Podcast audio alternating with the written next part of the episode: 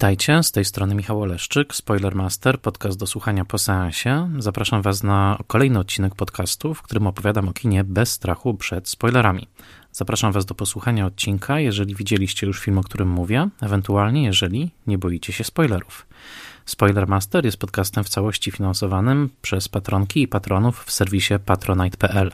Jeżeli spodoba Wam się odcinek podcastu, zapraszam Was serdecznie na mój profil na Patronite i zapraszam do rozważenia wsparcia podcastu. Spoilermaster jest i będzie podcastem darmowym w szerokim dostępie.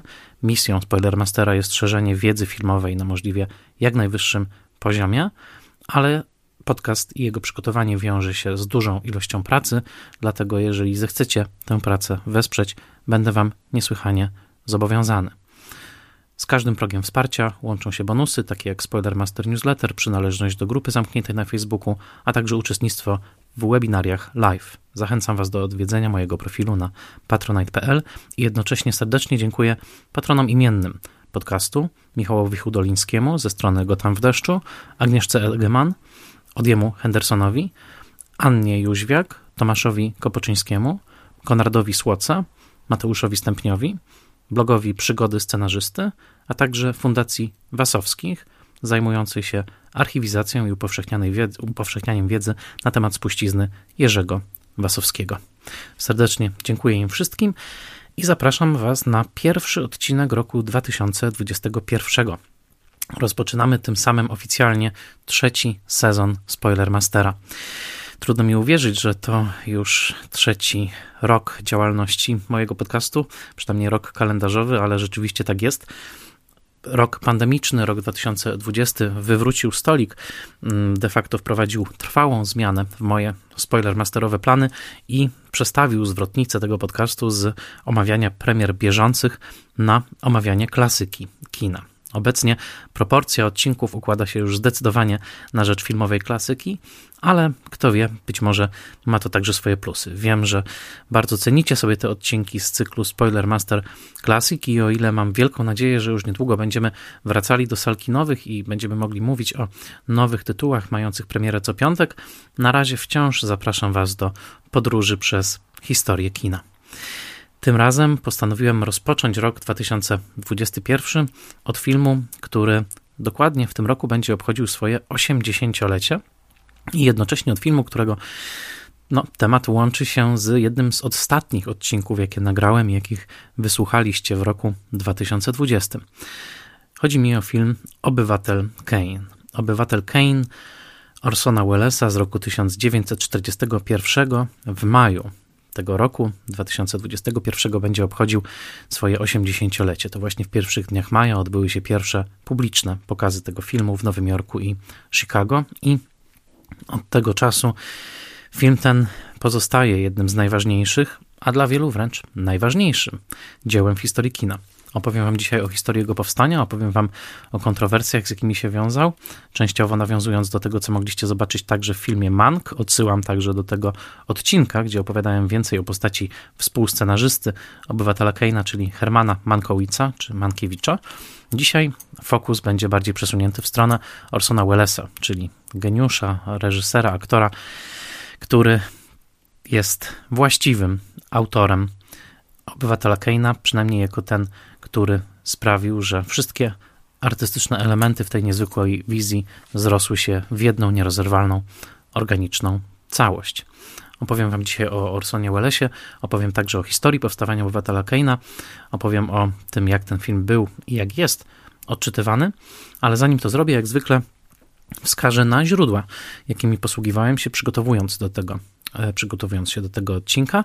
Tym razem była to przede wszystkim biografia Orsona Wellesa, właściwie pierwszy tom trzytomowej biografii autorstwa Simona Callowa pod tytułem Orson Welles The Road to Xanadu. Ten pierwszy tom tej e, rozpisanej na e, wiele tomów biografii kończy się właśnie w momencie premiery Obywatela Keina.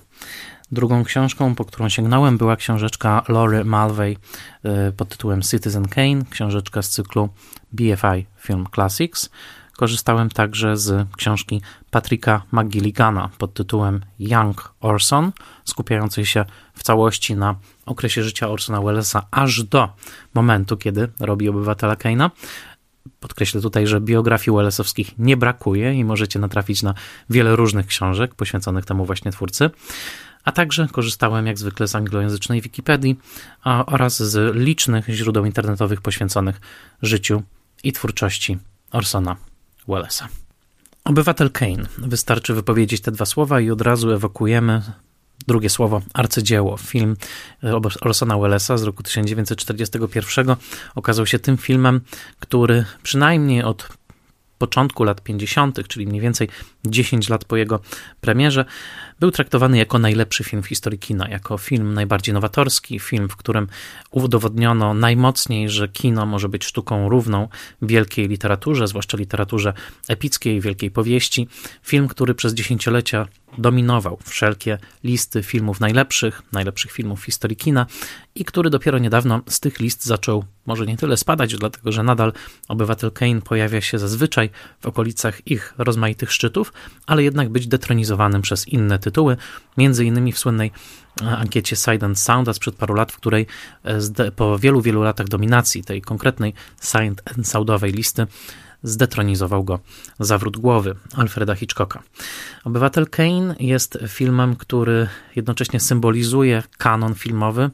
E, kto nie widział Obywatela Kane'a, ten w zasadzie nie może w takiej popularnej przynajmniej wiedzy e, mienić się historykiem filmu czy poważnym krytykiem filmowym. Jest to ten jeden, jedyny film, o którego obejrzenie możemy podejrzewać każdego, kto filmem w różnym stopniu profesjonalizmu się zajmuje, ponieważ ten film stał się czymś o wiele więcej niż tylko samym artefaktem e, w postaci filmu Wellsa, stał się symbolem pewnej artystycznej ambicji, być może nawet artystycznej pychy, e, symbolem filmu, który jest dziełem w pełni autorskim, dziełem, które stanowi pełen wyraz bujnej, dynamicznej, brawurowej osobowości artystycznej i jednocześnie filmem, który na dziesięciolecia starczył jako swoisty rezerwuar technik montażowych, zdjęciowych, narracyjnych.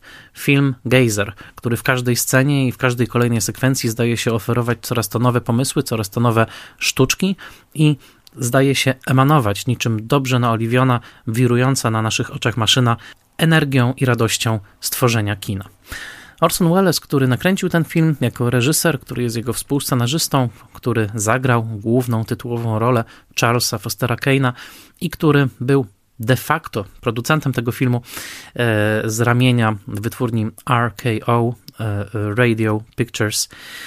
Był geniuszem, polimatą, wielokrotnie utalentowanym i wielostronnie utalentowanym, cudownym dzieckiem amerykańskiej kultury, który urodził się w miasteczku Kenosha w stanie Wisconsin, w samym sercu tak zwanego amerykańskiego Midwestu, a zatem na prowincji, ale był synem rodziny o dużych ambicjach kulturalnych i rodziny mocno osadzonej finansowo. Rodziny, która e, symbolizowała w pewnym sensie amerykański sukces. Jego ojciec był e, przedsiębiorcą i wynalazcą, wynalazł między innymi i później z powodzeniem produkował nowatorskie lampy rowerowe. Jego matka z kolei należała do śmietanki mm, towarzyskiej e, Chicago i e, była znana jako bardzo utalentowana pianistka. Dosyć wczesna śmierć obydwojga rodziców, najpierw matki, a później ojca, którym Orson Welles zajmował się przez parę lat i z którym także mieszkał w Chicago. Otóż ta podwójna śmierć i dosyć wczesne osierocenie.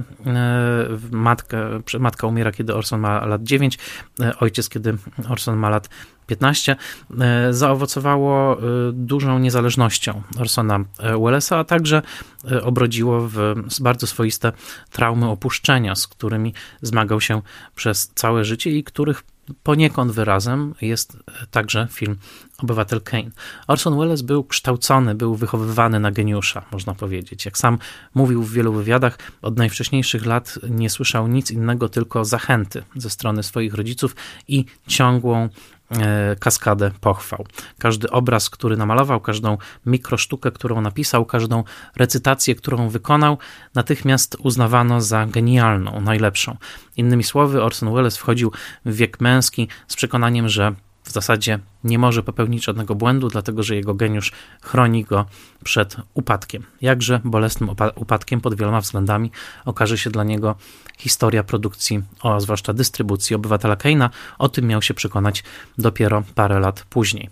Chłopiec od samego początku zdradzał wielkie talenty artystyczne i bujną, żywą osobowość i ciekawość świata, która gdzieś, jeżeli słuchaliście odcinka o Hermanie Mankiewiczu, jest lustrzana w stosunku do tego, jak wychowywał się młody geniusz e, Mankiewicz. E, to nie przypadek, że panowie przypadli sobie do gustu, kiedy spotkali się później już w swoich biografiach mm, i nie przypadek, chociaż oczywiście Mankiewicz był starszy, że ta e, współpraca przyniosła tak spektakularne owoce, jak właśnie Obywatel Kane. Orson Welles miał w sobie także pierwiastek awanturnika. E, szybko mm, zapomniał o tych swoich prowincjonalnych korzeniach i rzucił się w wir życia mm, wielkomiejskiego. Nowy Jork okazał się dla niego bardzo ważnym ośrodkiem, ale wcześniej także Chicago, w którym w zasadzie już przeżywał te swoje dojrzałe e, lata, chłonąc kulturę, sztukę, ale także energię wielkiej amerykańskiej metropolii, e, jednocześnie obserwując jej liczne niesprawiedliwości i kontrasty. Nowy Jork to przede wszystkim Broadway, gdzie wyląduje w e, połowie lat 30., ale wcześniej jest jeszcze istotny epizod w postaci takiej bardzo chaotycznej edukacji, jaką odbierał, pełnej emocji, pełnej e, nagłych namiętności i odkryć artystycznych, ale także ważnej formacyjnej podróży do Irlandii, którą odbył i która z jednej strony przyniosła mu doświadczenie w teatrze dublińskim, po latach zresztą wróci do części swoich współpracowników w filmie Otello, ale to tematem być może na inny odcinek, ale także sama obserwacja Irlandii, samo zanurzenie w kulturę irlandzką, e, między innymi w taką kulturę ludową. Orson Welles e, w, duchem, w duchu prawdziwego właśnie awanturnika, poszukiwacza przygód, ale jednocześnie studenta, uważnego studenta e, natury ludzkiej, wyruszył mm, na mm, powozie zaprzężonym w osiołka w pejzaż w, e, irlandzki wyruszył e, w taką e, drogę po irlandzkich wsiach i malował, oddawał te obrazy irlandzkim gospodarzom, chłopom za wyżywienie, za kawałek podłogi do spania i była to jedna, jak sam to później opisywał, z szczęśliwszych czasów w jego życiu. Pracował jako artysta, poruszał się w sposób nieskrępowany w pięknej irlandzkiej przyrodzie, spotykał ludzi mm, o niesłychanej sile ducha, karmił się do, dosłownie sztuką, oddając te obrazy, które sprzedawał i wspominał to jako taką swoistą idyllę. Rozliczne wpływy artystyczne, jakie miały e, miejsce, oczywiście z muzyką na czele, do pewnego momentu był wręcz kształcony na pianista, zresztą świetnie grał, ale przestał grać na fortepianie po śmierci matki. Zachował talenty muzyczne, był znakomitym deklamatorem, fantastycznie używał głosu. Orson Welles pozostał jednym z najsłynniejszych głosów XX wieku. Nieprzypadkowo także tak zrobił ogromną karierę w tym niebywale popularnym, popularniejszym nawet niż kino, medium, jakim w latach późnych 20. i 30. w Stanach było radio. Otóż Orson Welles rzeczywiście był rodzajem um, wszechstronnie utalentowanego geniusza, który jednocześnie miał w sobie ową niezbędną butę, brawurę, która nie pozwalała mu wątpić w to, że każdy cel i każdy szczyt jest możliwy dlań do zdobycia. Po latach sam mówił, że najcenniejszą cechą jego młodości była błogosławiona ignorancja, a o samej ignorancji wypowiadał się w sposób niemalże filozoficzny, paradoksalny. Mówił, że ignorancję należy w sobie pielęgnować nawet wówczas, kiedy zdobędziemy już wiedzę. Otóż nawet kiedy już jesteśmy doświadczeni i napełnieni wiedzą dorosłości, długich lat studiów, trzeba pielęgnować w sobie pierwotną sztukę i entuzjazm właściwy tylko ignorancji. Sam Welles mówił, że nadmiar wiedzy może być paraliżujący, dlatego nie należy oczywiście zaprzestać z e, wiedzy gromadzić, ale trzeba pielęgnować w sobie ten pierwotny entuzjazm, który mówi, że wszystko jest możliwe i zdobędę to, co sobie tylko wymarzę. Bez tego entuzjazmu, bez tego właśnie błogosławionego stanu ignoranta, który po prostu wchodzi na szczyt góry, a nie pyta, czy jest to możliwe, bez tego trudno mówić o jakimkolwiek osiągnięciu. Orson Welles, e, jako się rzekło, e, już od najmłodszych lat zdradzał ogromne oznaki talentu i chętnie opowiedziałbym więcej o tym wczesnym okresie Wellesa, ale szczerze mówiąc, po lekturze obszernych fragmentów biografii Patryka McGilligana rozważam nagranie oddzielnego odcinka, w którym opowiem Wam więcej o tym właśnie Wellesie sprzed e, obywatela Keina, dlatego że jest to rzeczywiście fascynująca droga takiego, takiej edukacji i pewnego formowania się genialnego umysłu. Dzisiaj wszakże ze względów czasowych i ze względu na to, że sam obywatel Kane jest taką studnią bez dna, o której można by pewnie opowiadać godzinami i i tak czuć, że nie wyczerpało się ani nawet nie zadrasnęło tematu, Dzisiaj przede wszystkim skupię się jednak na tej drodze, która doprowadziła e, Orsona Wellesa do realizacji obywatela Keina. I tutaj absolutnie tym podstawowym, najważniejszym, pierwszym ważnym przystankiem będzie Nowy Jork. Nowy Jork, gdzie e, e, Orson Welles znajduje się w połowie lat 30. i gdzie zaczyna działać z ogromnym powodzeniem w teatrze. Nowy Jork lat 30. to Nowy Jork lat wielkiego kryzysu, który rozpoczął się w roku 1929 i Nowy Jork, w którym bardzo bardzo silnie widoczna jest już polityka New Dealu, czyli dosłownie nowego rozdania prezydenta Franklina Delano Roosevelta, wybranego e, w demokratycznych wyborach w roku 1932 na swój urząd. Otóż New Deal miał być taką, takim sposobem ekonomicznym, politycznym, społecznym na poradzenie sobie z e, e, skutkami wielkiego kryzysu ekonomicznego. Był jednocześnie największym w historii Stanów Zjednoczonych rozpisanym na lata planem interwencjonizmu państwowego państwowego. Co to oznacza? Z kasy państwowej zostały wypompowane ogromne pieniądze i wpompowane w rozmaite projekty e, federalne, projekty, które miały e, sprawić, że e, ludzie wrócą do pracy i będą właśnie pracować w finansowanych z kiesy państwowej dużych projektach, między innymi architektonicznych, przemysłowych i innych, ale także kulturalnych projektach. Takim projektem był między innymi Federal Theatre Project. Federal Theatre Project był projektem mm, stanowiącym część większego projektu pod tytułem Works Progress Administration, czyli WPA, WPA. Innymi słowy, właśnie takiej agendy rządowej mającej na celu pewną animizację, tak, ożywienie e, e, gospodarki i ożywienie także ducha, morale e, narodu amerykańskiego poprzez zatrudnianie w przedsiębiorcach i przedsiębiorstwach i inicjatywach państwowych. Taką właśnie inicjatywą był Federal Theatre Project, który działał w latach 1935-1939 i e, nie będzie żadnej przesady w stwierdzeniu, że najwybitniejszym twórcą działającym właśnie w obrębie tego e, FTP, czyli Federal Theatre Project, był właśnie Orson Welles. Jaki był cel Federal Theatre Project? Celem było przede wszystkim dostarczenie pracy licznym ludziom sceny, artystom, rzemieślnikom, technikom scenicznym, którzy utracili tę pracę w wyniku licznych bankructw, jakie dotknęły e, prywatne teatry tuż po wybuchu wielkiego kryzysu. Aktorzy i inni ludzie kultury, jakbyśmy dzisiaj powiedzieli, tracili pracę i był to swego rodzaju program pomocowy, który miał sprawić, że oni do tej pracy mm, wrócą i będą mieli, mówiąc bardzo kolokwialnie i bardzo wprost, że będą mieli gdzie grać, że będą mieli co robić. To był właśnie, to była filozofia stojąca za Federal Theatre Project i w ramach tego projektu powstało bardzo dużo sztuk, większość z nich mocno lewicujących, jednocześnie tą lewicowością wpisujących się w samą filozofię New Dealu, która była właśnie e, ściśle etatystyczna, państwowo-centryczna, e, już e, jakby nigdy Stany Zjednoczone w całej swojej wcześniejszej historii nie, nie prezentowały tak wielkiego interwencjonizmu państwowego, jak właśnie w latach New Dealu.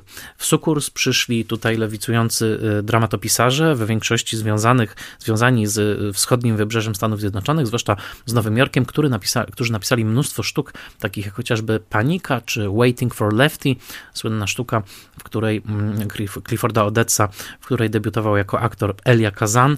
Też wszystkie sztuki nawoływały robotników do łączenia się w związki zawodowe były często podszyte agendą komunistyczną, jako że wielu ich autorów należało bądź sympatyzowało otwarcie z komunistami, którzy zyskali, zyskiwali dużą popularność, zwłaszcza w kontekście tej ogromnej klęski kapitalizmu, jaką był wielki kryzys, e, no a także w świetle udanej, a przynajmniej opisywanej jako udana przez wiele opiniotwórczych źródeł rewolucji październikowej, rewolucji sowieckiej w Rosji.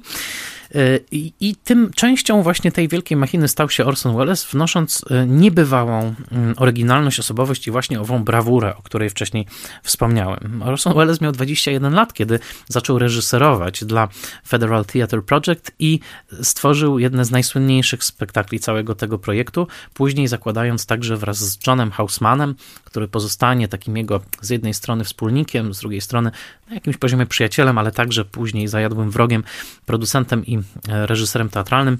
E, mianowicie mm, wspólnie następnie założą Mercury Theatre, ale pierwsze lata działalności w Nowym Jorku to przede wszystkim niebywale popularny i odważny Macbeth z roku 1936, wystawiony na Harlemie z całkowicie czarnoskórą obsadą, co dla Ameryki lat 30. było absolutnym szokiem, a jednocześnie okazało się artystycznym strzałem w dziesiątkę, ale także e, pochodzący z roku 1937 Cezar, oparty na Juliuszu Cezarze e, e, Williama Shakespeare'a, w którym spisek na życie Cezara i cała rzeczywistość starożytnego Rzymu, którą znamy z szekspirowskiego oryginału, została zamieniona na taki anturaż, który przypomina faszystowskie Włochy czy nazistowskie Niemcy innymi słowy, e, e, Welles, dla którego, który bardzo bacznie obserwował rozwój nazizmu w Niemczech i obserwował go z bardzo dużym niepokojem, była to taka metafora tego, że faszyzm czy ideologia nazistowska w każdym momencie może zawładnąć duszą duszą społeczeństwa. Jedna ze słynniejszych scen owego Cezara, wystawionego w Nowym Jorku przez Wellesa, to była słynna, często już usuwana swoją drogą w wielu inscenizacjach, króciutka scenka z poetą Cynną. Poeta Cynna zostaje wzięty przez tłuszcze za senatora Cynnę, za jednego ze spiskowców i mimo tego, że broni się zaciekle, twierdząc, że zbieżność imion jest przypadkowa, zostaje zabity. Ta scena, która nosi nosi w sobie taki przerażający, e, przeszywający chłodem element kojarzony z systemami totalitarnymi, w których nie liczy się e, tak naprawdę tożsamość ofiary, tylko liczy się sam akt przemocy, e, stała się centralną sceną dla Wellesa. Widzimy cynne poetę na scenie, a z różnych zakątków teatru wypełzają ubrani w, w czarne płaszcze przechodnie, którzy powoli, koncentrycznym, spiralnym ruchem otaczali cynne na scenie i w końcu połykali go niemalże jak jeden wielki lewiatan. Scena podobno była wstrząsająca, a owacjom po tej produkcji nie było końca. Było to najsłynniejsze wystawienie Szekspira na amerykańskich deskach w wieku XX. I oto Orson Welles, który tak znakomicie radzi sobie w teatrze, jednocześnie zarabia spore pieniądze jako aktor radiowy. Występuje w licznych przedstawieniach teatru radiowego, reżyseruje je także. Jego najsłynniejszym programem jest sponsorowany przez firmę produkującą puszkowane zupy Campbell Theatre i gra rolę za rolą, często przygotowując się tylko w sposób rudymentarny, używa tego swojego geniuszu, cudownego głosu, e, znakomitej dykcji i umiejętności błyskawicznego wcielania się w setki osobowości. Używa tego wszystkiego, żeby zarabiać pieniądze, które następnie inwestuje z powodzeniem w produkcje teatralne. Oczywiście zawsze u boku Johna, Johna Hausmana, którego notabene możecie znać jako e, nauczyciela akademickiego z nagrodzonego Oscarem właśnie za rolę Hausmana e, filmu Jamesa Bridgesa pod tytułem W pogoni za papierkiem. Paper Chase to jest rok 73, więc jeżeli chcecie zobaczyć już o wiele starszego Johna Hausmana, możecie go zobaczyć właśnie tam. Orson Welles jest u szczytu popularności, słucha go cała Ameryka, jego głos zna cała Ameryka. E, jest w teatrze najbardziej nowoczesnym, najbardziej świeżym głosem, ale prawdziwa sława rozpoczyna się w roku 1938, kiedy to po e, nadaniu specyficznej audycji teatru radiowego, jaką była adaptacja Wojny Światów H.G. Wellsa, niespokrewnionego i piszącego swoje nazwisko inaczej brytyjskiego pisarza, Ameryka wpada w histerię. Histerię mianowicie wywołaną e, e, faktyczną manipulacją Wellesa, ponieważ ta adaptacja nie jest adaptacją zrobioną po Bożemu, tradycyjnie, nie jest zaprezentowana tradycyjnie. Adaptacja ta udaje audycję newsową. Powiedzielibyśmy się, że jest artystycznym fake newsem, jest żartem, jest podpuchą. E, oto Marsjanie naprawdę atakują. Nie słyszymy narratora, albo słyszymy go tylko na początku, ale natychmiast audycja zostaje przerwana. Pojawia się głos e, prowadzącego radiowe wiadomości i oto dostajemy reportaż z lądowania Marsjan w New Jersey. Co się dzieje? Ameryka wpada w histerię, upamiętnioną po latach w filmie Złote czasy radia Woody'ego Allena i podobno przesadzoną e, w takiej e, e, legendzie miejskiej, ale fakt faktem wielu słuchaczy poczuło się oszukanych, wielu słuchaczy uwierzyło, że oto rzeczywiście rozgrywa się inwazja marsjańska. Oczywiście Orsonowi Wellesowi na tym zależało. Mimo, że wystąpił publicznie i przeprosił, twierdząc z bardzo poważną miną, a Orson Welles im poważniejszą minę miał, tym bardziej gdzieś tam w oczach igrały takie ogniki e, e, psotnego chłopca. Otóż twierdząc z bardzo poważną miną, że nic takiego nie zamierzył, nigdy nawet sobie nie wyobraził, żeby ktoś mógł potraktować tę audycję poważnie, twierdził tak, a jednocześnie dobrze wiedział, że w tym momencie rzeczywiście cała Ameryka o nim usłyszała przeprowadzanych wówczas ankietach e, e, Galupa okazało się, że 91% Amerykanów wie, kim jest Orson Welles. To są niebywałe wyniki jak na artystę, jak na reżysera, który co więcej wówczas, pamiętajmy, nie pojawił się jeszcze w żadnym filmie. E, Orson Welles w roku 1938 jako 23-letni człowiek pojawił się na okładce magazynu Time. Co prawda w grubej charakteryzacji starca, którego wówczas grał w jednej ze sztuk George'a Bernarda Shaw'a, ale jednak ten 23-letni geniusz był znany właściwie każdemu Amerykaninowi. No a jeżeli ktoś jest znany właściwie każdemu Amerykaninowi, jeszcze na dodatek jest wybitnym aktorem i reżyserem i całkiem przystojnym mężczyzną, powiem, że więcej, że bardzo przystojnym mężczyzną, no dlaczego kino Hollywood nie miałoby go spożytkować? Oczywiście, że Hollywood wyciągnęło swoją pozłacaną dłoń po Wellesa. De facto wyciągnęło ją wcześniej, nie w roku 1938, kiedy nastąpiła ta słynna emisja Wojny Światów, ale jeszcze wcześniej, w połowie lat 30., były pierwsze zakusy na Wellesa, były pierwsze próby zwabienia go do Hollywood. David Selznick w pewnym momencie, słynny producent, chciał, żeby Welles dla niego pracował. Później były plany obsadzenia Wellesa w adaptacji Wichrowych Wzgórz według Emily Bronte w reżyserii Williama Wylera, ale koniec końców to George Schaefer, mm, szef wytwórni RKO, zaprosił z sukcesem Wellesa, ale trudno się dziwić, zaoferował mu mianowicie prawdziwe złote jabłko w postaci takiego kontraktu, jakiego Hollywood jeszcze nie widziało. Kontraktu na dwa filmy, kontraktu, gdzie e, podstawowe wynagrodzenie Wellesa wynosiło w każdym wypadku 100 tysięcy dolarów. E, kontraktu na dwa filmy, plus oczywiście zyski w wypadku osiągnięcia wysokich zysków przez film, ale i ta klauzula sprawiła, że Hollywood zawrzało z zazdrości. Filmy te miały powstać pod całkowitą artystyczną kontrolą Orsona Wellesa. Innymi słowy, nikt nie mógł wtrącać się w to, co Orson Welles będzie robił w Hollywood, pod warunkiem, że nie przekroczy budżetu pół miliona dolarów. Takich warunków nie miał w historii Hollywood nikt, z wyjątkiem być może w przybliżeniu Friedricha Wilhelma Murnała, kiedy to Fox, William Fox Zaprosił go do Hollywood i w roku 1927 umożliwił mu realizację Wschodu Słońca, słynnego niemego filmu, o którym możecie posłuchać oddzielnego odcinka Spoilermastera, do czego zachęcam. Ale takie warunki w roku 1941 wywoływały przede wszystkim złe wspomnienia z przygód Ericha von Stroheima, który jako producent, reżyser, scenarzysta i gwiazda swoich filmów e, był kojarzony przede wszystkim z wielkim konfliktem, jaki rozegrał się wokół filmu Chciwość. No i o ile Murnałowi mm, Murnau nie wzbudzał swego czasu aż tak wielkiej zazdrości, bo można powiedzieć kolokwialnie, Friedrich Wilhelm Murnau nie pchał się przed kamerę, był reżyserem, ale nie był producentem, nie był aktorem. Tak tutaj mamy młodego, przystojnego, genialnego, reżysera teatralnego i aktora radiowego, który nie dość, że będzie produkował, to najpewniej w tym filmie wystąpi, wyreżyseruje go, napisze i będzie w takim stopniu autorem filmu, w jakim nikt chyba jeszcze w historii filmu tym autorem nie był jeśli nie liczyć Charlie'ego Chaplina, który zbudował w pewnym momencie swoje własne, e, swoje własne e, studio. E, Orson Welles przybywał do Hollywood w lipcu roku 1939 w aurze jednocześnie błyszczącego geniuszu i mrożącej krew w żyłach zawiści tak zwanego filmowego środowiska. Na imprezy, które wydawał w wynajętej willi, nikt nie przychodził. Szybko także rozpo, rozpoczęły się plotki e, na temat jego rzekomego homoseksualizmu. Wskazywano na jego ciągłe kontakty z Johnem Hausmanem. Nic nie mogło być dalsze od prawdy.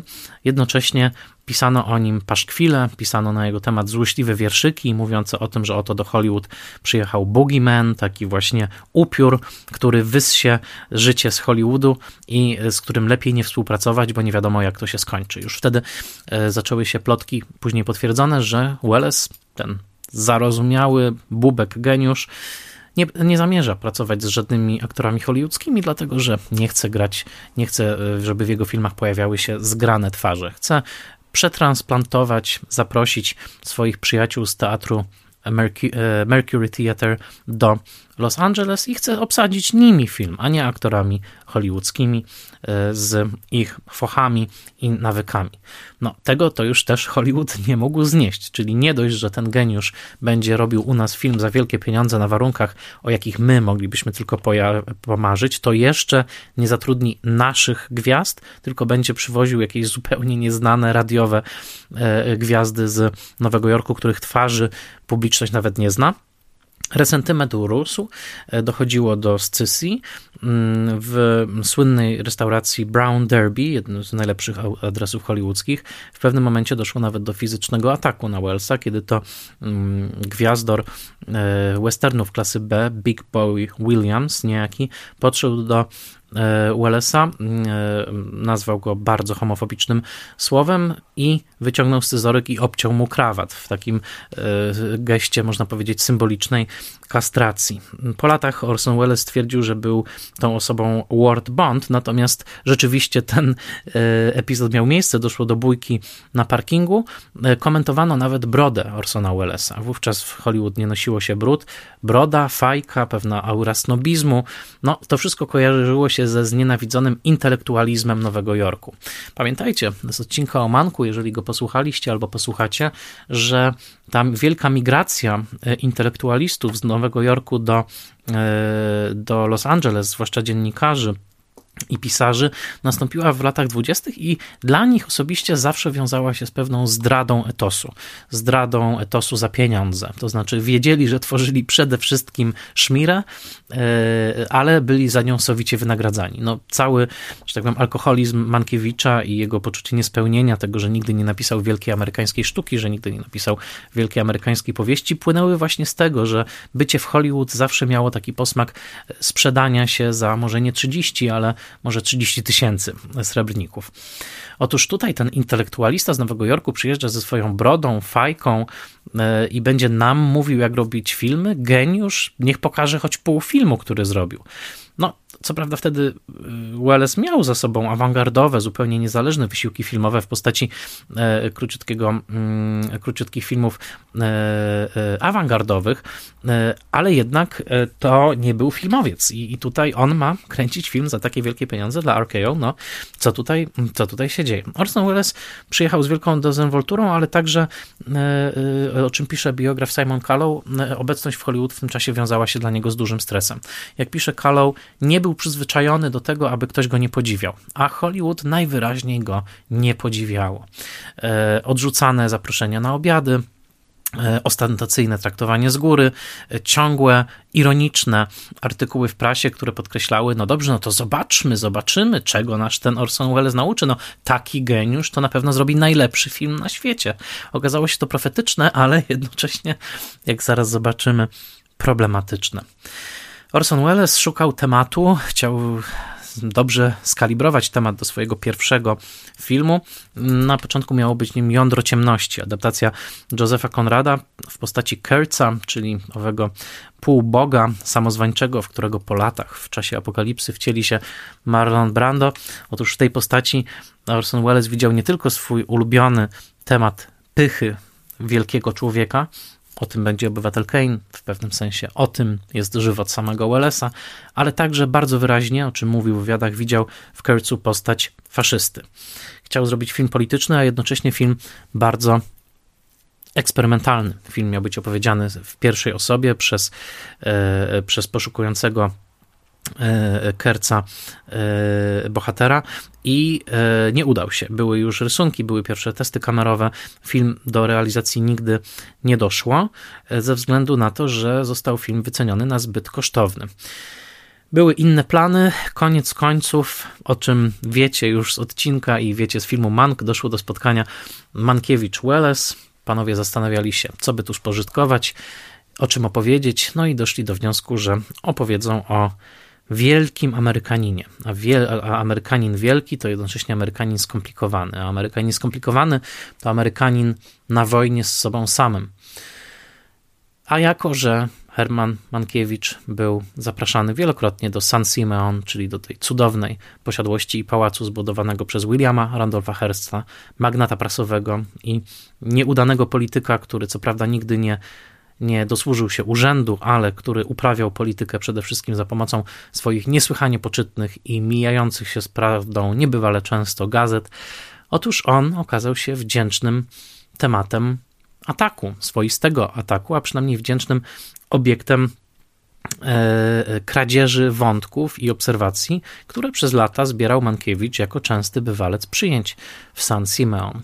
Te okruchy historii znacie z filmu Mank i z poprzedniego odcinka poświęconego Kane'owi, czyli właśnie odcinka poświęconego Mankowi.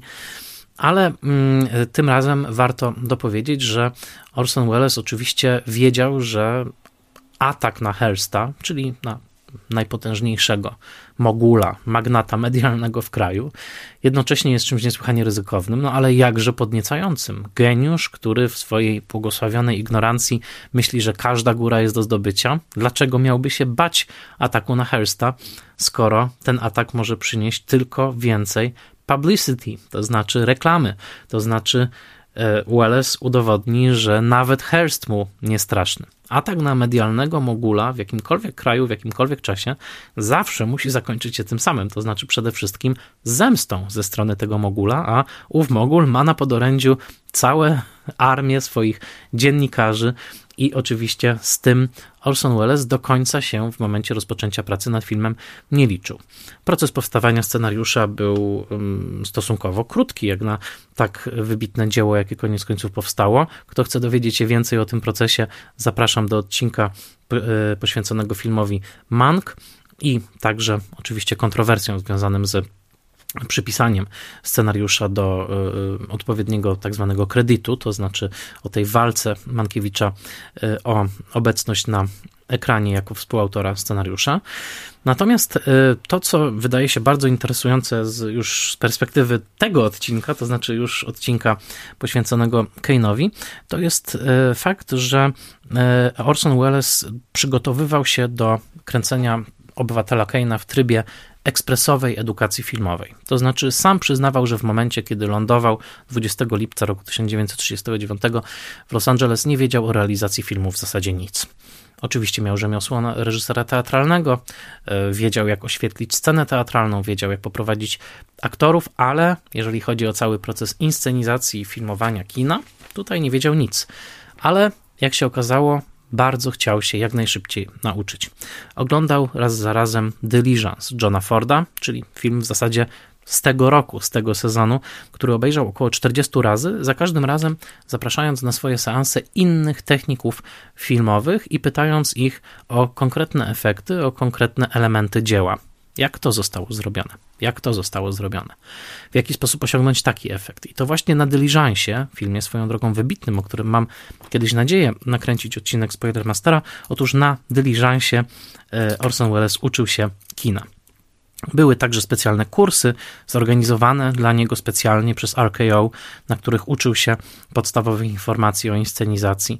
Sprowadził także specjalnie z Nowego Jorku kopię gabinetu doktora Caligari, e, słynnego arcydzieła ekspresjonistycznego Roberta Wina i ktokolwiek obejrzy Obywatela Keina, ten z całą pewnością dostrzeże tam wpływy ekspresjonistycznej fotografii z wysokimi kontrastami, z szeroko kładącymi się cieniami, z deformacjami obrazu. To wszystko jak najbardziej w tym filmie jest. Co więcej, Orson Welles zaczął powoli, i to być może w tym jest jego geniusz. Był także, przypomnę, producentem filmu, a rolą producenta jest właśnie to, żeby dobrze zmontować ekipę, która następnie, jak to się mówi w języku filmowym, dowiezie Will Deliver, a w polskim języku branżowym czasami mówi się zdeliveruje, film, który, o który chodzi. I tutaj być może Welles wykazał się geniuszem największym. Nie tylko zaprząg do pracy Manka, którym być może wyczuwał gdzieś tą potrzebę arcydzieła i potrzebę udowodnienia, że może napisać coś wielkiego. Mank, dla którego scenariusz był atakiem tak naprawdę na e, figurę Waspa. Tak mówił o tym Orson Welles, że dla Manka ten atak na Hersta był takim ostatecznym rozliczeniem się z figurą białego amerykańskiego protestanta, który ma swojego rodzaju monopol kulturowy i mm, rozdziela prestiż w ramach amerykańskiej kultury. Dla Orsona Wellesa ten wątek był akurat trochę mniej ważny, być może dlatego, że sam był Waspem, ale mm, E, e, zatrudnienie Mankiewicza było rzeczywiście posunięciem genialnym. Innym genialnym posunięciem było nawiązanie współpracy z Gregiem Tolandem. Gregiem Tolandem, który wkrótce odbierze Oscara za swój pierwszy, e, za, za film Grona Gniewu, który, Gregiem Tolandem, który nakręcił zdjęcia do takich filmów jak chociażby Wichrowe Wzgórza, e, wspomniane już Weilera, czy właśnie Grona Gniewu Johna Forda, czyli reżysera Diligence'u, prawda? Widzicie, że Welles porusza się w, w ramach e, pewnych widełek nazwisk, najlepszych nazwisk wówczas w Hollywood e, i mm, współpraca z Tolandem okazała się kluczowa. To nie bez przyczyny Welles zadecydował, że nazwisko Orsona Wellesa jego własne i Tolanda pojawia się na jednej tabliczce w napisach e, końcowych tego filmu, e, bo Orson Welles wiedział, jak wiele Tolandowi zawdzięcza. Co ciekawe, być może najciekawsze w tej współpracy jest to, że to nie Welles zabiegał o Tolanda, tylko Toland, Toland przyszedł do Wellesa. Toland, który był wówczas najbardziej szanowanym operatorem w całym Hollywood i który był związany kontraktem z Samuelem Goldwinem. Przyszedł do tego pogardzanego młokosa, pogardzanego geniusza, jakkolwiek to nie brzmi, i powiedział: Chcę z tobą pracować. Orson Welles odpowiedział: Ale ja nie wiem nic o robieniu filmów. Toland powiedział: Dokładnie dlatego chcę z tobą pracować, bo nie wiesz, jakie są ograniczenia i będziesz stawiał cele niemożliwe. Nie wiesz, czego nie wolno robić i dlatego to zrobisz. To także genialna intuicja samego Tolanda, który wiedział, że swoich eksperymentatorskich zapędów zapewne nie spełni przy żadnym innym reżyserze, a na pewno nie przy reżyserze, który opanował już wszystkie hollywoodzkie sztuczki i na każdą wzmiankę o proponowanym eksperymencie będzie odpowiadał sakramentalnym nie, no tak tego się nie robi. Przy Orsonie Wellesie miał gwarancję, że sakramentalne nie, no tak tego się nie robi, nie padnie.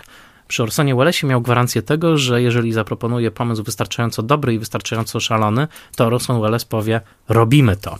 A zatem dlatego Greg Toland zwrócił się do Orsona Wellesa i dlatego Orson Welles ma, e, Obywatel Kane, przepraszam, ma najbardziej nowatorskie i najbardziej do dzisiaj zdumiewające zdjęcia w historii kina, zdjęcia, które posługiwały się przede wszystkim niesłychanie nowatorską, na jak ówczesne czasy, inscenizacją scen w długich, pojedynczych ujęciach, czasami trwających nawet po parę minut, e, które wymagały niebywałej choreografii aktorów, kamery, zgrania wszystkich elementów oświetlenia itd. Tak e, a także obywatel Kane słynie z tak zwanej głębi ostrości, deep focus. Innymi słowy, jeżeli zerkniecie chociażby na scenę w której bankier Thatcher przejmuje opiekę nad młodym Charlesem Kane'em w retrospekcji rozgrywającej się w Colorado, kiedy to pani Kane, e, dziedziczka, e, a właściwie właścicielka przypadkowej fortuny, przypadkowo odkrytej e, kopalni złota w Colorado, oddaje właśnie na utrzymanie swojego syna Kane'a, aby został wielkim człowiekiem wychowanym przez bank niejako. Otóż w tej scenie słynnej, kiedy ojciec zgłasza pewne obiekcje, Mały Kane bawi się za, okienkiem sankami, za oknem sankami. E, jesteśmy w izbie, widzimy w głębi izby roztrzęsionego ojca, a na pierwszym planie bankiera Thatchera i panią Kane. Są wszyscy oni oddaleni o kilka, kilkanaście, kilkadziesiąt metrów od siebie, mówię już w przypadku małego chłopca bawiącego się na zewnątrz, a mimo to wszyscy są w dokładnie tak samej ostrości, tak samo dobrze oświetleni. Nasze oko może podróżować pomiędzy poruszającym się daleko, daleko, daleko w głębi, głębia ostrości, malutkim Charlesem, a ogromną postacią matki na pierwszym planie i postacią ojca na planie środkowym. To była całkowita nowość, tego nikt nigdy wcześniej nie zrobił. Celem Tolanda i Orsona Wellesa, o czym pięknie pisze Simon Callow, było to, żeby kręcić film, który będzie pojęciu twórców jak najbardziej realistyczny. Realistyczny w takim znaczeniu, jakim może być realistyczna wielka powieść XIX-wieczna, powieść Dickensa e, chociażby. Ślady Dickensa absolutnie widoczne są oczywiście w Obywatelu Kane'ie. E, Wspomnijcie Davida Copperfielda, ale wspomnijcie także klub Pickwicka, mnóstwo typów zabawnych e, e, mężczyzn starszych z bokobrodami i licznymi tikami, którzy pojawiają się chociażby na początku w scenach w piśmie Inquirer, no to przecież jest czysty Dickens. Otóż Tolandowi i Wellsowi zależało właśnie na realizmie pojętym na taki sposób. Chcieli, żeby oko widza nie było prowadzone poprzez montaż, które który w każdym momencie, każdym kolejnym cięciem pokazuje, na co należy patrzeć, ale żeby oko widza miało pewną wolność i mogło swobodnie podróżować między tym, co bardzo głęboko w kadrze, a między tym, co w kadrze jest bardzo, bardzo blisko. Wymagało to pracy na specjalnych obiektywach, wymagało to wielu eksperymentów, także właśnie z oświetleniem, z ustawianiem kamery, ale mm, rezultat do dzisiaj zadziwia, zwłaszcza w wersji odrestaurowanej na Blu-rayu. Te sceny z głębią ostrości robią do dzisiaj bardzo duże wrażenie i okazały się także przyczynkiem do swoistego odkrycia tego filmu na nowo. Po paru latach, kiedy e, został on może nie tyle zapomniany, co zdecydowanie zszedł na drugi plan, francuski krytyk André Bazin e, w latach 50. we Francji przyjrzy się pracy Grega Tolanda z głębią ostrości w tym filmie i w filmie Najlepsze lata naszego życia z roku 1946, swoją drogą filmie Williama Wylera i powie, to jest istota kina. Istotą kino jest właśnie reprezentacja rzeczywistości w taki sposób, aby nasze oko mogło się po niej swobodnie poruszać i ten zachwyt Bazena powoli rozleje się na całość krytyczno-filmowego świata i między innymi, oczywiście dlatego Obywatel Kane zostaje uznany za tak wielkie arcydzieło. Ale tak naprawdę z tym Obywatelem Kane'em i z jego produkcją, gdzie nie rzucić kamykiem, tam jakiś geniusz. Nie wymienię wszystkich kluczowych współpracowników Wellsa. Kluczowym zdecydowanie był z jednej strony Herman Mankiewicz, z drugiej strony e, Greg Toland, ale mm, wymienię kilku rzeczywiście niesłychanie ważnych. Bernard Herrmann napisał muzykę do tego filmu. Muzykę, właściwie to była jego debiutancka ilustracja muzyczna. Bernarda Hermana znamy później jako genialnego twórcę muzyki do licznych filmów Alfreda Hitchcocka, ale tutaj ilustracja muzyczna Hermana tworzona pod ścisłym kontrolą Wellesa, który, pamiętajmy, był mistrzem dźwięku i mistrzem radiowej komunikacji.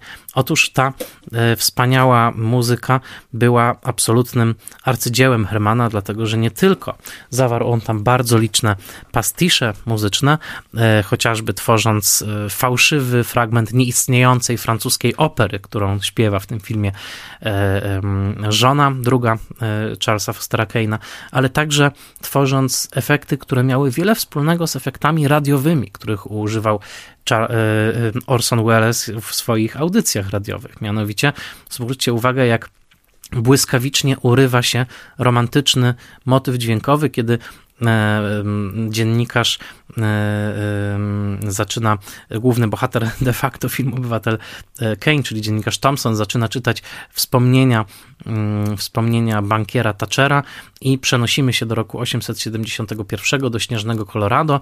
Rozpoczyna się taka bardzo romantyczna muzyczna fraza Hermana i nagle w momencie, kiedy mały Charles uderza śnieżką w szyld takiej gospody, czy swoistego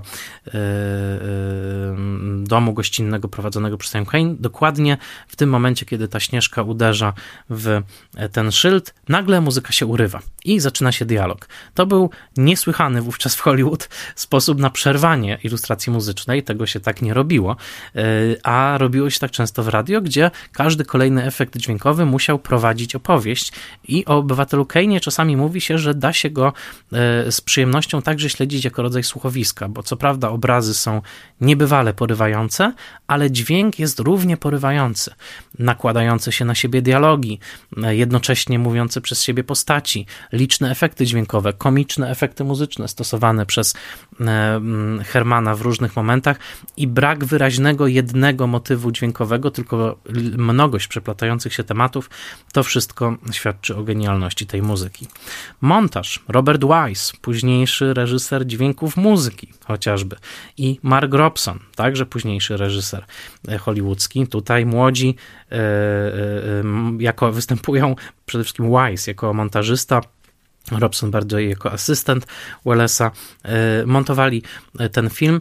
E, Wise opowiada po latach, że w pewnym sensie nie było tu co montować. Oczywiście on żartuje, dlatego że tak wiele w tym filmie jest ujęć długich, które były tak pomyślane, żeby ich nie ciąć, tylko żeby właśnie ruchoma kamera, to dojeżdżająca nagle do twarzy bohatera, to nagle odjeżdżająca, przenosząca się w inny punkt pokoju, miała służyć za to narzędzie montujące. Ale nie należy dać się zwieść tym słowom Roberta Weissa. On zdecydowanie wiedział, że wykonał znakomitą robotę przy Obywatelu Kane'ie. Są w tym filmie słynne montażowe przejścia, e, tak odważne jak nic, co jeszcze wówczas w amerykańskim kinie było obecne, jak chociażby przeskoczenie w jednym cięciu kilkudziesięciu czy kilkunastu lat w opowieści. Kiedy słyszymy słowa Merry Christmas wypowiadane w młodości Keina, w jego dzieciństwie, a kiedy słyszymy słowa And a Happy New Year, te słowa wypowiadane przez starego Thatchera, to już wiele, wiele, wiele lat później łączy je jedno cięcie, a my dokładnie wiemy, że upłynął czas. Tak również w Hollywood tamtego czasu się nie montowało. Inni współtwórcy, no jest ich rzeczywiście bardzo, bardzo wielu. Należałoby wymienić aktorów. Joseph Cotten, już wówczas bardzo ceniony aktor teatralny i nie tylko. E, e, William Oland, który był takim właściwie e, asystentem Wellesa przez bardzo wiele lat, podobno źle przez niego traktowany, wystąpił właśnie jako Thompson. Dorothy Comingore, która wystąpiła jako Susan Alexander Kane, bardzo dobra rola, nie była swoją drogą częścią tej trupy Mercury Theatre. Była częścią owej trupy radiowej, natomiast Agnes Moorehead, wspaniała w roli matki Kane'a, jest na ekranie parę minut, ale zawsze po tym filmie pamięta się jej połączenie chłodu i lekko zarysowanego bólu rozstania z synem. To jest właśnie Agnes Moorehead jako matka Keina. Sam Orson Welles, który gra Keina w różnych momentach czasowych, od wieku lat około 20 do wieku lat około 70 z niebywałą pomocą wspaniałej charakteryzacji Morisa Zajdermana którego Orson Welles opisze jako najlepszego charakteryzatora świata, ale który nie mógł zostać wymieniony w napisach do filmu, ponieważ nie należał do związków zawodowych hollywoodzkich, miał zaledwie 25 lat, był imigrantem z Rosji i był pasjonatem charakteryzacji. Zastosował w charakteryzacji Keina unikalne i pionierskie techniki pracy z lateksem, który później okazał się jednym z kluczowych tworzyw w tworzeniu e, właśnie charakteryzacji e, e, hollywoodzkich tych aktorów można jeszcze wymieniać. Ruth Warwick, znakomita jako pierwsza żona, e, e, jako pierwsza żona Keina i wielu, wielu innych mo można by tutaj jeszcze e, wymienić. Koniec końców mamy mm, w tym filmie portret orkiestry doskonałej, to znaczy takiej filmowej orkiestry, w którym każdy uczestnik, każdy, nawet najmniejszy gracz okazuje się mistrzowsko dobrany i dobrany w sposób niesłychanie zaskakujący. Zwróćcie uwagę, pierwsza robota reżyserska Wellsa.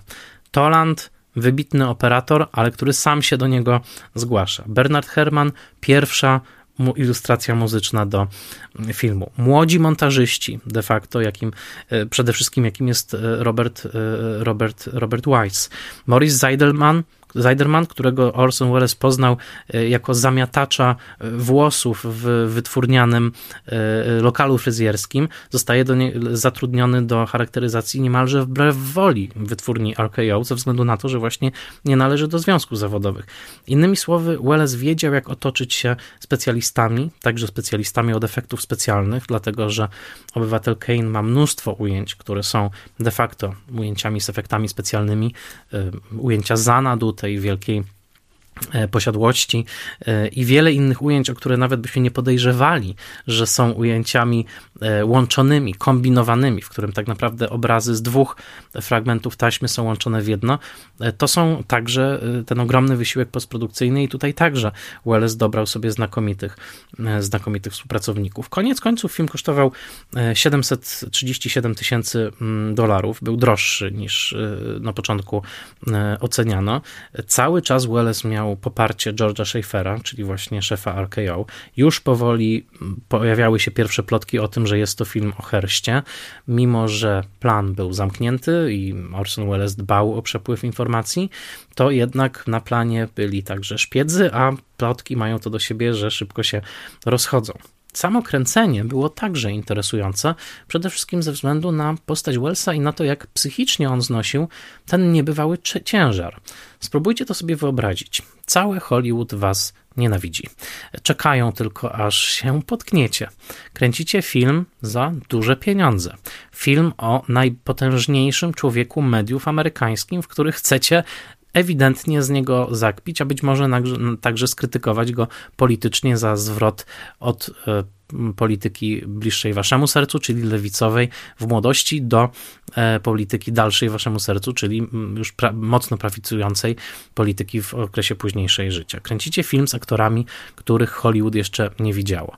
No, stres był i kręcicie po raz pierwszy, dopiero się tego uczycie, robicie błędy, mówicie oświetlaczom, jak mają oświetlać, po czym okazuje się, że ta rola jest zarezerwowana wyłącznie dla szefa zdjęć, czy dla Tolanda.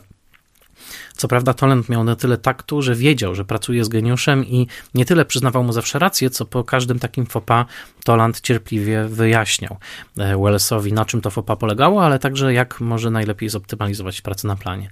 Ale ten stres był ogromny, co więcej, gracie przed kamerą i to w męczącej charakteryzacji, która nie tylko w scenach, kiedy Kane jest stary, ale która także w scenach, w których Kane jest młody, jest bardzo wpływa na to, jak się czujecie, bo nawet w scenach, w których Kane jest młody, Kane tak naprawdę, Welles miał na sobie ogromną ilość charakteryzacji, między innymi dlatego, że wtedy zaczynał się już jego problem z tyciem, e, skóra na jego policzkach powoli już e, stawała się no, taka zbyt okrągła, także cały czas podciągano mu tą skórę, nakładano specjalne czepki, nakładano mu specjalne nakładki na brzuch, żeby go odchudzić. Nawet ten młody Kane, którego widzicie w tych scenach największej prosperity pisma Inquirer, nawet ten młody Kane jest Kane'em, który i Wells który nosi charakteryzację, która niesłychanie krępowała jego ruchy, jego, psuła jego samopoczucie.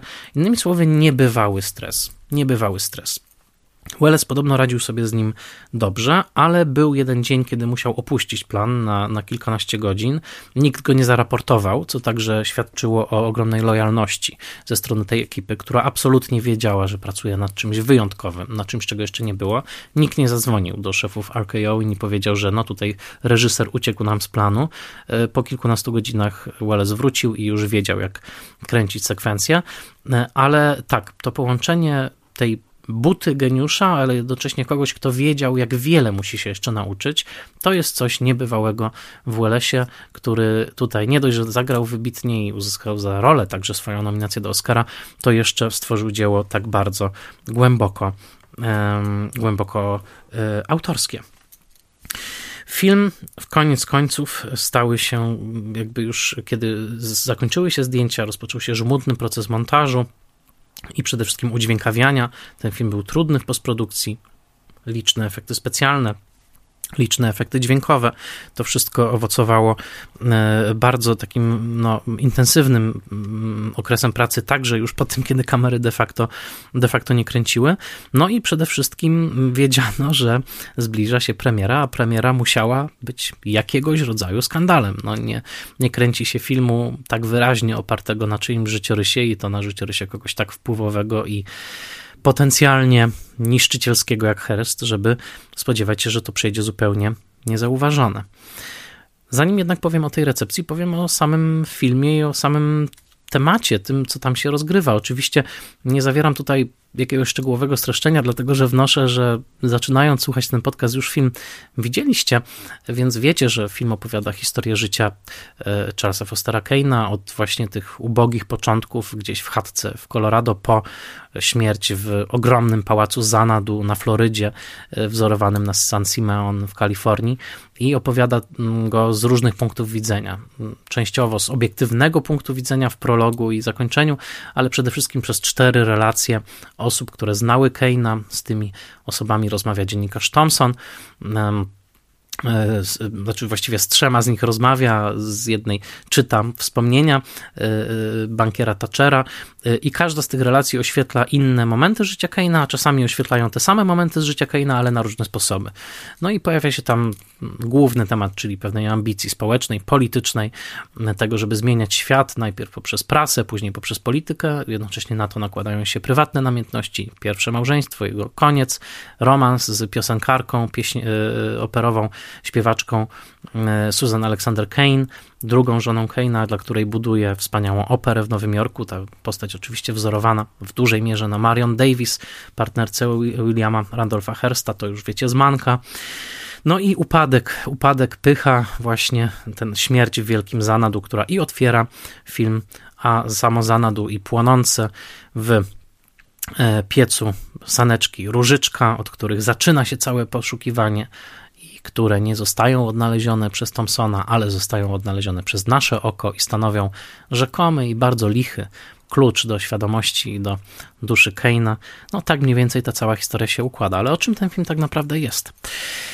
Poza tym, że jest filmem o Ameryce, jest filmem o amerykańskiej ambicji, jest filmem o amerykańskim mogulu, polityku, o kimś, kto w jednej dekadzie staje po stronie robotników, by w drugiej dekadzie czy innym czasie historycznym stanąć po, y, po stronie wielkich przedsiębiorców, kiedy sam się już nim staje. Poza tym, że jest właśnie o swoistej zdradzie politycznej, to tak, ten, tak to odczuwał zdecydowanie Mank, tak to odczuwał także Welles, chociaż Mank dzielił wiele przekonań z Herstem, to opowieść na, na inny, inny rozdział, e, o czym zresztą też wspominałem przy mm, odcinku z Mankiem. Mank chociażby był absolutnie zapieką izolacjonistą, nie, nie popierał e, e, angażowania się Stanów Zjednoczonych w żadną wojnę mm, na zewnątrz. Tak czy inaczej, no po pierwsze jest to oczywiście właśnie opowieść o tym, o, o, o tym, że można rozpocząć swoją drogę właśnie w śniegach Colorado w małej chatce, a zakończyć w takim pałacu, jakim jest Zanadu. E, I ocenie, jaką się za to płaci. To temat, który był także bardzo eksplorowany w prozie amerykańskiej, chociażby w Wielkim Gatsbym, który jest też takim, można powiedzieć, taką matrycą, taką przymiarką do obywatela Keina.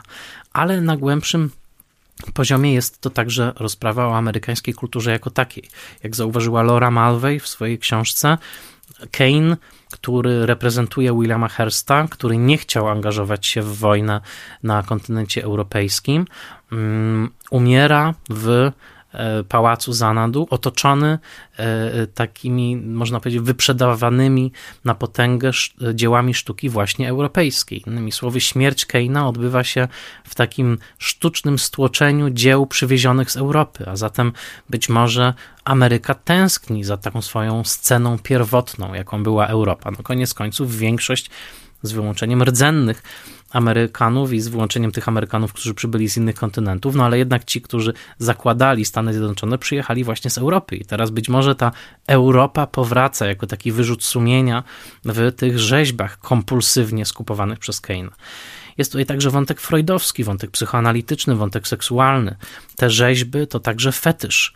Fetysz wykupywany przez Keina w scenariuszu jest to jeszcze wyraźniejsze, że on przede wszystkim najchętniej kupuje rzeźby przedstawiające kobiety. Wykreślona linijka z, ze scenariusza, której nie wypowiada w filmie Bernstein, ale która jest w scenariuszu, mówi o tym, że szefie, kupiłeś znowu 9 Wenus i 26 Mary i Dziewic, tak? Czyli jest podkreślone wyraźnie, że on przede wszystkim kupuje te rzeźby, które przedstawiają e, kobiety. A zatem opowieść o człowieku, który zdradzony przez matkę, a przynajmniej w ten sposób to postrzega, prawda? Ten moment, kiedy matka oddaje syna na wychowanie bankowi, trochę, żeby chronić go przed okrucieństwem ojca, tam jest taka sugestia, i jednocześnie zamyka tego syna w takim solipsyzmie, takim ciągłym powracaniu do figury matki, której, o której on nie może zapomnieć i nawet na łożu śmierci wypowiada słowa różyczka, które odnoszą do właśnie tego dzieciństwa e, beztroskiego, spędzonego jakby w matczynym łonie, przynajmniej symbolicznym. Da się to odczytać na różne sposoby.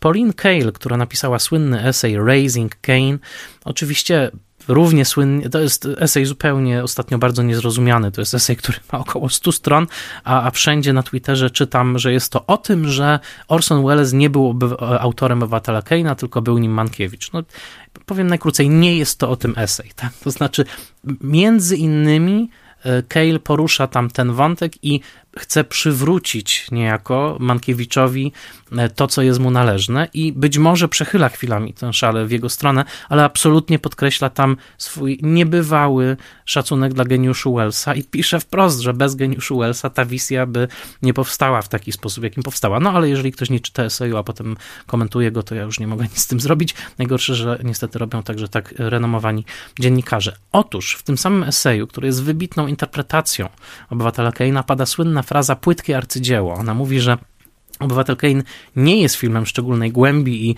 doszukiwanie się w nim szczególnej głębi jest trochę śmieszne, dlatego że jest to film, w którym tak naprawdę Welles posługuje się pewnymi typami, pewnymi stereotypami, częściowo wywiedzionymi z teatru, częściowo z Dickensa, częściowo z kultury radiowej lat 30., częściowo z tych filmów o dziennikarzach w latach 30.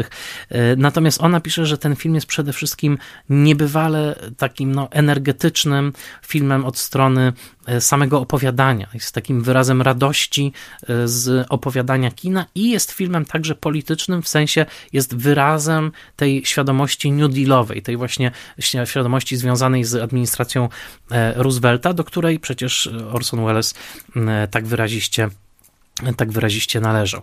Więc ten film miał e, różną historię recepcji. Im dalej od jego premiery, tym mniej oczywiście myślimy o Herście samym, bo on sam o tyle, o ile był tym mogulem i w pewnym momencie 20 e, milionów Amerykanów czytało e, całe jego gazety i, i dowiadywali się od niego tak naprawdę, co myśleć o różnych międzynarodowych sprawach. I o ile Hearst oczywiście przechodząc już do samego, samej dystrybucji i recepcji filmu, chciał ten film zdusić w zarodku. Mm, podjudzany przez e, swoją pracownicę de facto, Luelle Parsons, czyli taką e, plotkarską dziennikarkę Hollywoodu, która wystraszyła się, że film jest o jej szefie i postanowiła zmobilizować swojego szefa do tego, żeby ten film zniszczył. E, podobno bez tego jej mobilizacji Hearst byłby bardziej obojętny na ten film, ale ona jednak poczytawała sobie za swoją misję, żeby ten film zniszczyć. No, rzeczywiście rozpoczęła się kampania przeciwko temu filmowi. Były plany zniszczenia wszystkich kopii. W pewnym momencie Louis B. Mayer, włącznie z innymi producentami hollywoodzkimi, oferował RKO więcej niż ten film kosztował, bo około 800 tysięcy dolarów, żeby zniszczyć wszystkie kopie, zniszczyć wszystkie negatywy, żeby tego filmu po prostu nie było, żeby nie narażać się na ataki prasy Hersta, żeby nie narażać się na retorykę antysemicką, jaką e, chciał operować Hearst w tych atakach, żeby nie narażać się także na wszystkie ukryte w szafie trupy i szkielety, które grzechotały po tych szafach, o wszystkich nadużyciach seksualnych, o wszystkich skandalach obyczajowych, które Hearst w ramach pewnej cichej umowy tuszował i ukrywał, a zagroził natychmiast ich ujawnieniem w momencie, kiedy pojawił się właśnie obywatel Kane. Także film de facto mm, miał premierę, miał znakomite recenzje, dziewięć nominacji do Oscara, e, jednego Oscara dla de facto dla Mankiewicza. To był bardziej Oscar dla tego spośród nas, którego my znamy i lubimy. No tak naprawdę przecież wówczas Toland też powinien wygrać i Robert Wise powinien wygrać. No tyle, tyle technicznych aspektów w tym filmie jest genialnych, ale film, mimo tej prasy, mimo tych znakomitych recenzji, właściwie został przemilczany w prasie Hersta. Innymi słowy, e, wieść o nim nie dotarła do milionów, milionów Amerykanów. Jego dystrybucja też była mocno zduszona i mimo, że nie przyniósł wielkich strat, to jednak nie był tym sukcesem, na który liczono, kiedy George Schaefer zadzwonił do Orsona Wellesa, geniusza, który miał zadziwić Hollywood i stworzyć najlepszy film świata. No cóż, zadziwił Hollywood, stworzył najlepszy film świata, tyle że nie taki film, jak się spodziewano, i zadziwił Hollywood na inny sposób niż się spodziewano. Dziewięć nominacji do Oscara, tylko Oscar za scenariusz, gest w stronę starego wyjadacza Manka, naszego kolegi, ilekroć pojawiał się tytuł Obywatel Kane w trakcie wyczytywania nominacji. Na sali rozlegało się buczenie. Hollywood nienawidziło tego filmu, nie chciało mieć z nim nic wspólnego. A Orson Welles, cóż, być może na początku nie zdawał sobie sprawy z tego, jak mocnym ciosem w jego karierę jest to, co dzieje się z Obywatelem Kane'em. Wiedział, jak wybitny film stworzył, ale czego dowiodła cała jego późniejsza biografia, w tych warunkach takiej e, e, twórczej wolności nie będzie pracował już nigdy. Każdy jego film następny, od wspaniałości Ambersonów począwszy, swoją drogą to mam nadzieję też temat na kolejny odcinek, do wszystkich pozostałych filmów zawsze będzie to niesłychanie ciężka walka, często przegrana, wiele projektów, które nigdy nie powstaną do końca. Do końca życia będzie to ten zraniony gigant.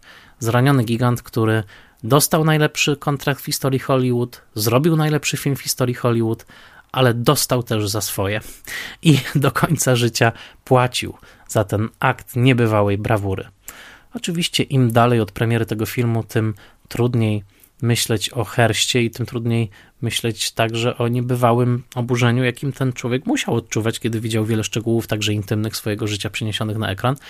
Ale pewnym symbolicznym domknięciem sporu Hearst-Welles była projekcja w roku 2012 za zgodą spadkobierców Hearsta filmu Obywatel Kane we wnętrzach San Simeon. A za ten koniec końców Orson Welles, Obywatel Kane i ten wybitny film, który w pewnym momencie miał być zniszczony na życzenie Hersta, koniec końców swoim genialnym obrazem, swoim genialnym dźwiękiem rozbrzmiał w tych samych salach San Simeon, po których lata wcześniej przechadzał się Mankiewicz i które jako zanadu sportretował w filmie swoim Orson Welles. Sztuka wygrywa na sam koniec, chciałoby się powiedzieć, a na pewno wygrywa sztuka tak genialna jak Obywatel Kane, film Orsona Wellesa, który w maju 2021 roku będzie obchodził swoje 80. urodziny. Mam nadzieję, że ta audycja zachęciła Was do tego, żeby obejrzeć Obywatela Keina na nowo.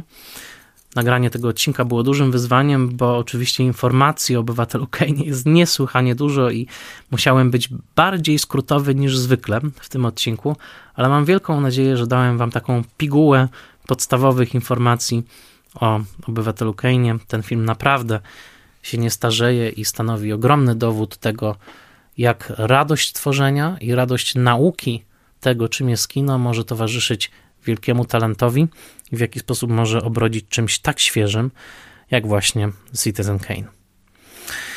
Serdecznie Wam dziękuję za słuchanie dzisiejszego odcinka. Jeżeli podobał Wam się odcinek, zapraszam Was na Patronite do odwiedzenia mojego profilu Spoilermaster i do rozważenia wsparcia powstawania tych odcinków. Są różne progi wsparcia, każda złotówka jest na wagę złota i umożliwia mi tworzenie tego podcastu, który mam nadzieję dostarcza Wam wiele przyjemności i poszerza Wasze rozumienie kina. Dziękuję Wam bardzo serdecznie i niniejszym rozpoczynamy sezon trzeci. Uznaję go za otwarty. Kolejna audycja już za tydzień.